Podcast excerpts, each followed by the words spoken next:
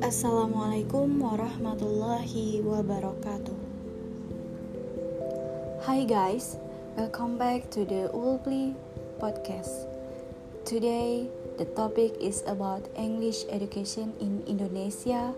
What are the obstacles for teacher in teaching it? Uh, then what is the solution? And what is the impact of the new curriculum 13 regulation on English education in Indonesia. Happy listening! According to Kompas.com, based on the data from the English Proficiency Index 2018, Indonesia is only able to rank 51 in English proficiency.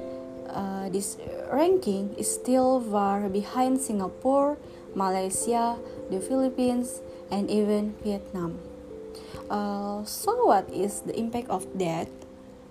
Evidently, this ability to speak English will have an impact of the quality of human research, which is the focus of the development of President Joko Widodo government in this second period low awareness of the importance of English education in Indonesia occurred due to several factors, including the inequality factor in education issues in Indonesia.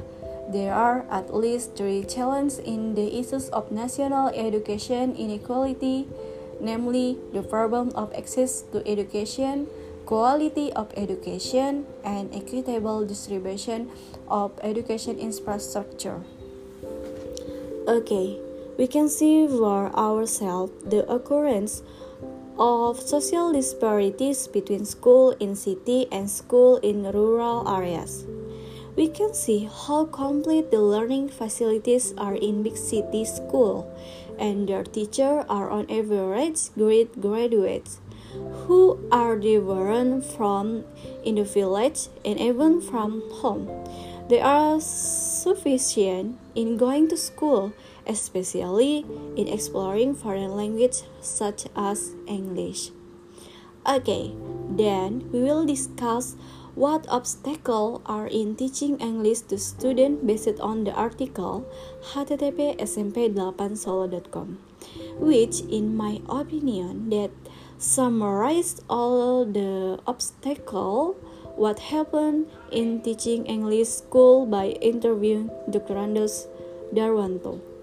As an English teacher at SMP 1 Solo who has taught English for 27 years, he has experienced various experience related to teaching English with students who have different backgrounds but from an economic, social, and cultural perspective. According to him, this also has a big influence on the type of obstacle that arise. But in general, he sees this obstacle as follow. Number one is lack of student motivation It's believed by him to be one of the main problems of learning English. He also explained that student motivation could come from outside such as as association with friends, family condition, and the environment in which they were less supportive in that direction. Meanwhile, the motivation from within the student themselves is because the student haven't found a moment where they have to learn this international language well and seriously. The reason is many graduates who are already working regret a lot why when they were at, at school they didn't learn English properly and correctly. As a result, their careers must stop or be delayed because they do not master this foreign language. The second barrier is the number of students who consider English is difficult subject. This may be due to student previous minimal knowledge of English and the striking differences from English and Indonesian. Especially in the pronunciation of vocabulary and sentence pattern they use. As a result, they tend to be passive and hesitate to try it. This is exacerbated when they pay less attention to the lesson when the teaching and learning process take place. They even tend to chat with their classmates and do other activities such as doodling, studying objects, and some even sleeping. The third obstacle is not enough time for practice from teacher. According to him, the only time they had contact with English was in English lesson. After that, they were faced uh, with an environment that didn't support the interaction in English. Meanwhile, class time is often very short, twice a week, just twice a week. Then, when and where else can uh, they practice and apply it? If the situation occurs continuously, we will fail to achieve the goals previously set. Uh, what is no less important, he believed as one of the problems that contribute to the failure in learning English in the lack of research and teaching material. Research and material here refer to various objects that can be used for teaching, such as a model, card, computer, language laboratories, and so on. They play an important role in the success of the teaching learning process in the classroom because they represent elements in the real life world, real world intended to help students understand and explain reality. In other words, they help to turn something complex into a simple one. For example, when a teacher wants to teach about animals, it will be a bit difficult to help students understand only with words. So we need research and material to support the material. So if teacher provide few research and material, it will make English much more complicated for learner. The last problem faced in teaching English in the overcrowding of students in the English class. The number of learners in a typical classroom can range from 1 until 15 or 20 students. In, in Indonesia, however, teachers can find more than 30 students in very small class without tape record, television, poster, DVD, and other. It will certainly be difficult for teacher to carry out activities where students can improve their communication skill because it is impossible to personalize teaching and as a consequence bad results are shown every day. In addition, to explain the obstacle to English education, he also provided several alternative solutions to overcome this problem as he has been doing to his own students so far. Okay, number one. Student student who do not understand English on this issue, he tries to instill the importance of English lesson, both for daily life and to waste the time that continue to develop rapidly and are increasingly sophisticated. Uh, if we don't learn English, then we will be left behind because of our ignorance. And number two, students think that English is difficult and absurd. Uh, when facing student uh, with this problem, he explained that English is not difficult.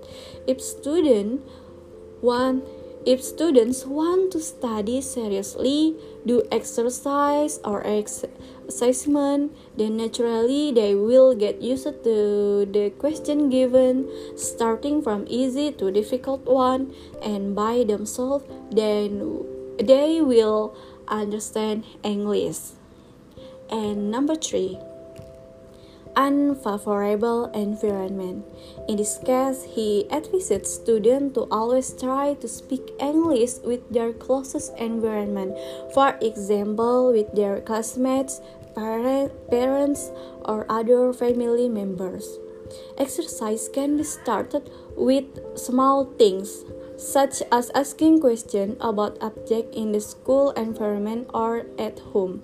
Remember, language is habit language is a habit. If you are ordinary uh, then we will be in a comfortable position when they have to speak english. And number four students have a limited vocabulary uh, maybe because they lack knowledge and don't read books about English, so they have difficulty understanding what the teachers say, and it is difficult to understand the text. In this case, we give students an understanding of the importance of reading. So we encourage and guide students to be diligent in reading. And number five, he doesn't know the use of grammar. In addition to explaining grammar by providing patterns or front that will be used, whether it be the front of yesterday, yesterday, today, or the future. We also shouldn't be discouraged to always get used to them to make one question every time we are going to start the lesson according to the teaching material they are studying or the teaching material that has been done. Uh, okay, and the last lack of media use. Usually, we just explain, give a verbal description of a state from or a place uh, in this case, student can only imagine without seeing directly the shape or state. As a result, they find it difficult to understand and understand the meaning we convey. I totally agree with the opinion of his uh, of, of his uh, of his opinion and how is uh, I also completely agree. Okay, next we will discuss uh, the impact of curriculum 13 on English education in Indonesia. According Kompas.com, English subject will no longer be included uh, in the compulsory cur curriculum for elementary school. Uh, student which will be implemented by the Ministry of Education and Culture in 2013 until 2014 academic year. Deputy Minister of Education and Culture Musliar Kasim said this subject was eliminated from eliminated from elementary student because it was to give student time to strengthen their Indonesian language skill before, learning, before learning a foreign language. Elementary, elementary school doesn't have English education because Indonesia does not understand it. Now there, there are only kindergarten children taking English lesson. If the language is rough, it is forbidden poor children, said Musliar at the Park, Park Hotel Jakarta Wednesday. He emphasized uh, that this rule must be followed by all schools. However, if there are schools that make English as an additional subject, that is another matter and will be considered again. She said school have to follow this if it is made into addition, it is another matter. However, for public school, it is clearly not allowed, said Musliar. For inter international school that generally use English as the language of interaction, his party has not conducted an in-depth study. However, This new curriculum will still be formulated and for international school will be arranged later. We still make the curriculum, but for international, we will arrange it, uh, it later. Uh, what is clear and that they must follow the provision of our curriculum, they cannot be separated, he said. As is known, the curriculum for elementary school students will be compressed into only six subjects, namely religion, religion education, Pancasila and citizenship education, Indonesia language, mathematics, cultural, cultural arts, and psycho education and health. However, this has only been agreed upon for grades 1 until 2 only, while grades 4 until 6 are still being discussed. Meanwhile, according to the Balpo.com article by Wahyu Dewi Prasatyo, a student at the University of Muhammadiyah Malang, he said, teaching English is the key to the success of word interaction. Uh, this success is in mastering the English language facilities, uh, the flow of togetherness, togetherness between nations because it requires freedom in studying and understanding the language as a whole. English in elementary school since the beginning until the 20 and 20 and 13 curriculum was implemented so many problems faced in implementing English learning in the classroom where needed. Why English in elementary school is needed in learning English? Verse In early childhood, language learning is easier to grasp. Second, in today's digital era, where all living systems use English, with English in elementary school, it is easier to accept the technology used. Third, by being given English in elementary school autom automatically when children continue at the secondary level student will easily accept English in my opinion personal in my opinion personally uh, with the elimination of English education in elementary school, it is very unfortunate considering that we have entered the era of globalization which of course really requires ourselves to be able to speak foreign language, especially English because English is an international language where the average country use use it.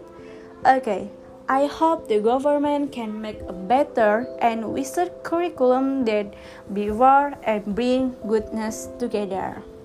Thank you for for listening to our podcast. Assalamualaikum warahmatullahi wabarakatuh. Have a nice day.